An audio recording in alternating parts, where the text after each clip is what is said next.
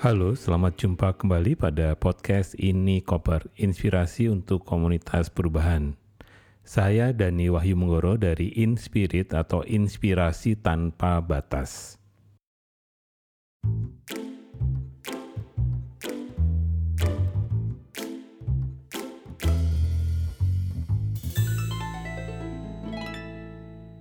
Pada edisi kali ini, kita akan membahas tentang apa itu critical thinking dan apa bedanya dengan selective thinking. Dan juga tips bagaimana kita bisa menggunakan critical thinking untuk sehari-hari.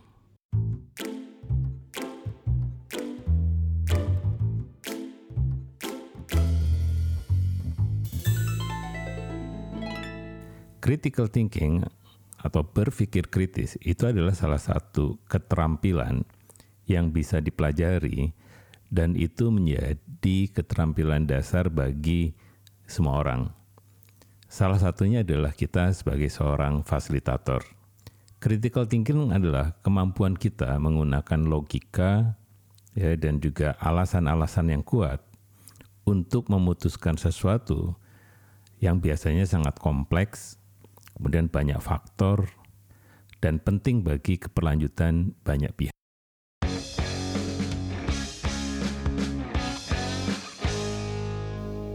Karena itu, keterampilan critical thinking ini mau tidak mau sebenarnya bisa diajarkan mulai dari sekolah dasar. Karena apa? Banyak hal yang kita bisa belajar yang disebut dengan kekeliruan. Kita sering cepat memutuskan sesuatu itu basisnya adalah tidak terlampau kuat. Kadang kita hanya ada satu contoh, kemudian kita berani mengambil keputusan.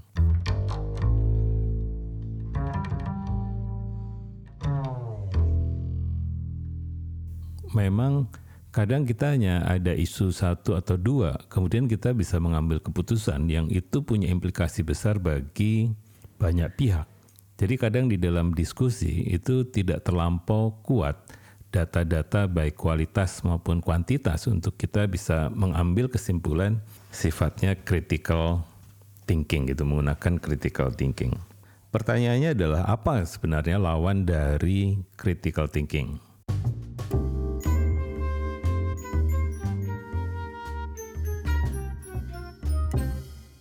Lawan dari critical thinking itu adalah selective thinking. Nah, selective thinking itu sering juga disebut sebagai habitual thinking. Jadi, mengapa critical thinking itu jarang dan kadang orang enggan menggunakannya? Karena orang selalu nyaman dengan mengambil keputusan berdasarkan pengalaman-pengalaman di masa lalunya. Itu yang disebut dengan habitual atau selective. Jadi kita tidak kritikal, tapi kita selektif berdasarkan apa yang mau kita putuskan, berdasarkan pengalaman-pengalaman yang kita miliki.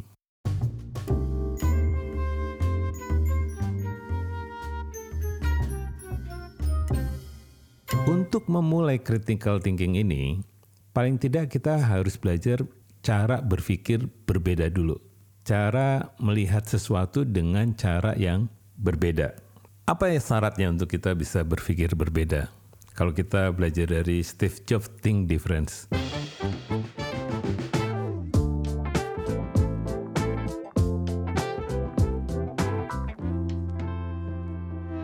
Yang pertama sebenarnya adalah kita harus menjadi orang yang open mind. Jadi kita terbuka dengan pikiran-pikiran yang kita lihat, yang kita dengar, yang kita baca, yang kita pikirkan juga. Mengapa demikian? Karena kita harus juga hati-hati, jangan-jangan apa yang kita yakini, apa yang kita tahu tidak sesuai dengan apa yang kita sedang pikirkan untuk mengambil keputusan atau kesimpulan pada sebuah problem, masalah, atau kontradiksi. Itu yang pertama.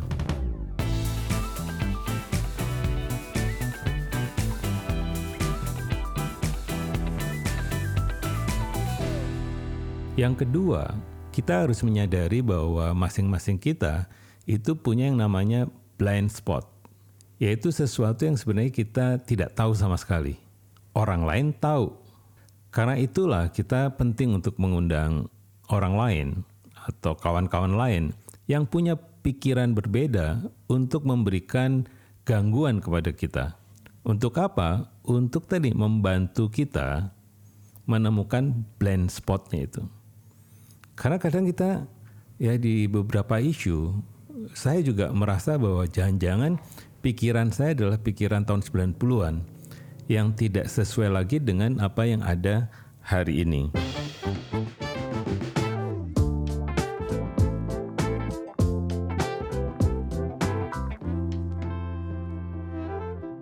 Yang ketiga sebenarnya adalah bahwa pada saat kita memperoleh cara pandang yang berbeda yang disebut dengan viewpoint class. Ya, jadi kita berbeda dengan banyak orang, maka di sini tugas dari kita sebagai yang ingin mencoba critical thinking itu justru merangkulnya, justru belajar apa yang menyebabkan pikiran-pikiran itu ada apa yang menjadi alasan ada cara pandang seperti itu. Misalnya kalau kita melihat pemerintah dan juga organisasi masyarakat sipil, kadang pada satu realitas yang sama itu cara pandangnya juga berbeda. Apalagi kalau kita bertemu dengan korporasi, itu juga punya cara pandang yang unik. Yang kadang mainstream juga, bukan unik ya, mainstream. Sehingga pikiran-pikiran organisasi masyarakat sipil atau masyarakat adat atau masyarakat lokal itu kadang sangat-sangat unik yang tidak terduga apakah pikiran-pikiran itu ada. Ya misalnya kalau di apa di beberapa masyarakat adat itu melihat bahwa tanah itu adalah ibu. Nah ini agak berbeda dengan di korporat, tanah itu adalah komoditi. Belum lagi dengan pemerintah, itu juga akan punya pandangan yang berbeda tentang tanah gitu. Sehingga ini yang kalau kita tidak selesaikan akan banyak menimbulkan keputusan-keputusan yang tidak membahagiakan banyak orang. Nah, yang lain sebenarnya adalah bagaimana caranya kita mempersiapkan untuk critical thinking.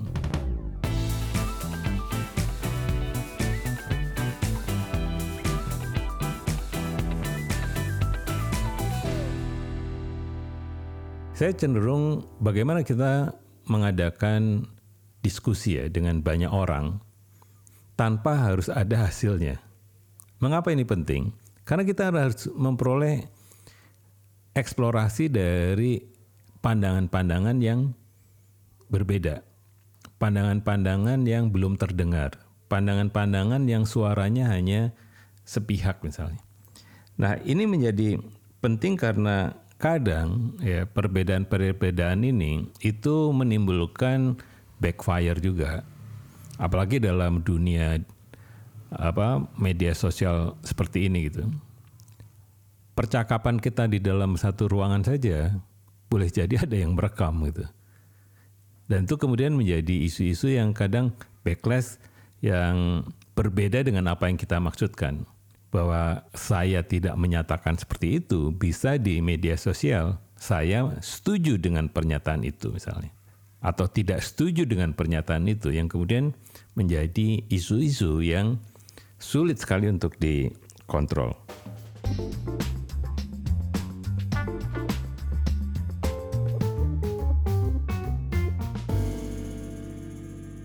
Kemudian yang kelima itu yang penting untuk mempersiapkan critical thinking itu kita harus berlatih seperti juga yang disarankan di teori U yaitu melakukan apa yang disebut dengan empathic listening. Nah, di empathic listening ini itu sekurang-kurangnya kita memang berusaha untuk mendengarkan, mengamati prosesnya ya dan juga kita juga mulai membayangkan apa sih sebenarnya alasan-alasan di belakang itu semua. Jadi di sini makin jelas ya bahwa critical thinking adalah bagaimana kita membaca dari berbagai arah ya, dari berbagai perspektif, dari berbagai data untuk bisa kita mengambil keputusan atau menyimpulkan sesuatu yang berbeda dengan apa yang biasanya dilakukan banyak orang karena tergesa-gesa, karena berpikir jangka pendek, Ya, yang kemudian kualitas keputusan itu atau kualitas dari kesimpulan itu menjadi buruk.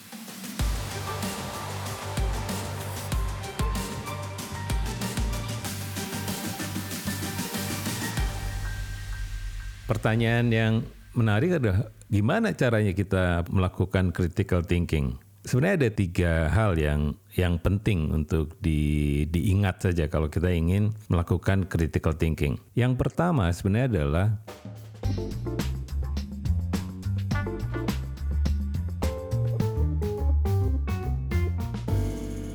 mempertanyakan asumsi yang kita miliki atau mempertanyakan asumsi-asumsi yang ada di pernyataan orang-orang.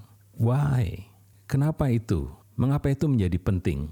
Ini yang kemudian di beberapa organisasi melakukannya dengan menggunakan extreme why. Jadi pertanyaan why-nya itu dieksplorasi lebih banyak untuk bisa menemukan apa sebenarnya yang menjadi akar penyebab masalah. Esensinya adalah mempertanyakan asumsi-asumsi yang ada di kepala orang per orang dan juga asumsi kita.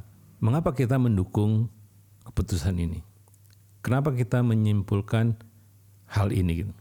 Nah, di situ pengalaman saya belum tentu orang bisa terima juga ya, karena memang perbedaan-perbedaan kita itu ada di asumsi yang kita yakini. Nah, asumsi itu diciptakan dari sejarah yang panjang ya, dari kebudayaan yang kita kita hidup, kemudian dari bacaan-bacaan yang kita sudah baca, sekolah, pergaulan, kemudian bagaimana keterlibatan kita pada sebuah organisasi, itu mempengaruhi sebenarnya asumsi yang kita gunakan.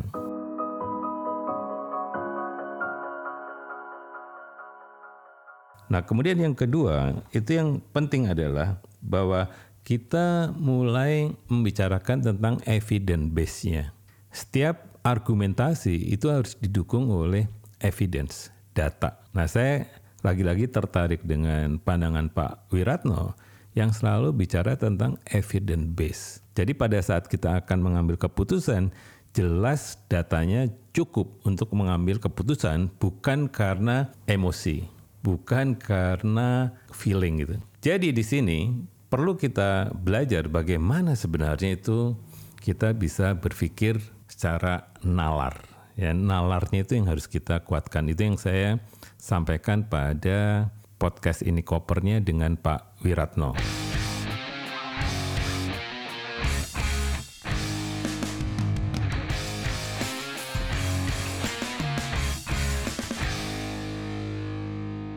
Yang lain sebenarnya adalah bahwa di bagian akhir kita harus menangkap yang disebut dengan pikiran-pikiran yang beragam. Jadi kita tidak melakukan satu kesimpulan basisnya hanya dalam menggunakan satu pemikiran. Pemikirannya itu harus diverse, ya beragam gitu, bineka. Dengan demikian kita punya argumentasi yang sangat kuat apa yang menjadi pandangan-pandangan dari berbagai pihak tentang satu hal. Ini lagi-lagi juga saya belajar dari kelasnya dengan Pak Wiratno di kelas kreatifnya di YouTube yang beberapa waktu yang lalu, Pak Wiratno suka sekali menggunakan triangulasi. Jadi dia tidak akan percaya dengan satu informasi gitu. Informasi itu harus sekurang-kurangnya dari tiga pihak. Sehingga baru bisa disimpulkan apa yang kita bisa putuskan sebagai sebuah keputusan yang strategis.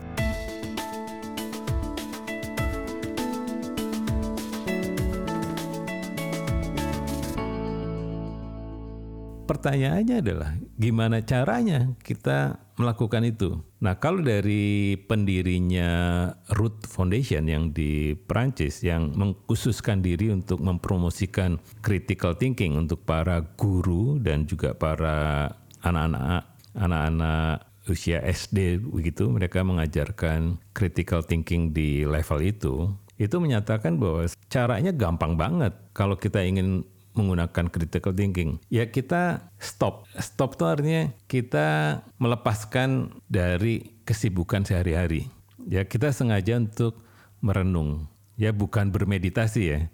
Tapi ya merenung, kemudian melakukan sesuatu yang rileks, yang tidak dikejar-kejar oleh deadline dan sebagainya. Yang ini menjadi penting untuk menjadi rileks pada situasi itu. Nikmati situasi kekinian, ya the power of now itu. Nah ini yang penting sebenarnya untuk untuk memulai critical thinking. Nah kemudian yang yang kedua sebenarnya yang menjadi penting di dalam apa critical thinking itu adalah bahwa kita harusnya mulai melepaskan feeling dan emosi. Kenapa coba? Karena pada saat kita berpikir kritis, pasti situasinya itu tensionnya tinggi. Kalau kita berdiskusi dengan tim, juga tim tensionnya tinggi. Kita tidak bisa mengambil keputusan yang basisnya critical thinking pada saat kita juga turut di dalam emosinya tim. Karena itu kita bisa minta izin untuk keluar untuk merenung beberapa jeda gitu ya, beberapa saat untuk untuk berpikir lebih logik, lebih nalar dibandingkan pada saat berapi-api emosi dan perasaan kita gitu. Ya ini pasti sering kita alami ya. Kadang kita begini saja pada saat emosi itu di kepala bisa mengambil keputusan-keputusan yang ekstrim tapi sebenarnya tidak kritis ya. Karena hanya sesuai dengan apa yang menjadi kemarahan kita gitu. Jadi terbawa oleh emosi. Jadi tugas kita sebenarnya caranya adalah menghindari itu. Ya kita harus menjauh dari hal-hal yang sangat emosional.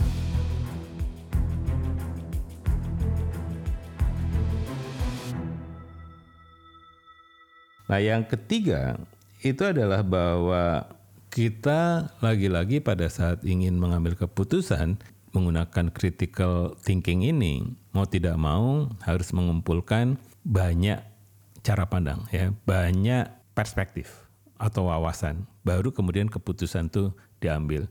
Di sinilah jarang terjadi karena kemudian para staf di bawah itu mengiyakan apa yang para pemimpin putuskan padahal belum tentu keputusan itu bagus buat semua. Karena itulah satu proses yang lebih liberating itu penting supaya semua orang menyampaikan cara pandangnya. Nah ini bukan hal yang sederhana, tapi harusnya dilakukan di dalam proses-proses diskusi yang terpumpun atau FGD dan sebagainya untuk memastikan bahwa semua orang itu berkontribusi dengan kuota yang sama. Jadi itu saja yang ingin saya share tentang apa itu critical thinking, apa lawannya, bagaimana mempersiapkannya, dan bagaimana caranya? Simpel kan? Yang pertama adalah kita stop dari kesibukan. Yang kedua tadi hindari emosi yang berlebih-lebihan. Kemudian yang ketiga memastikan bahwa pemikiran-pemikiran yang muncul itu beragam.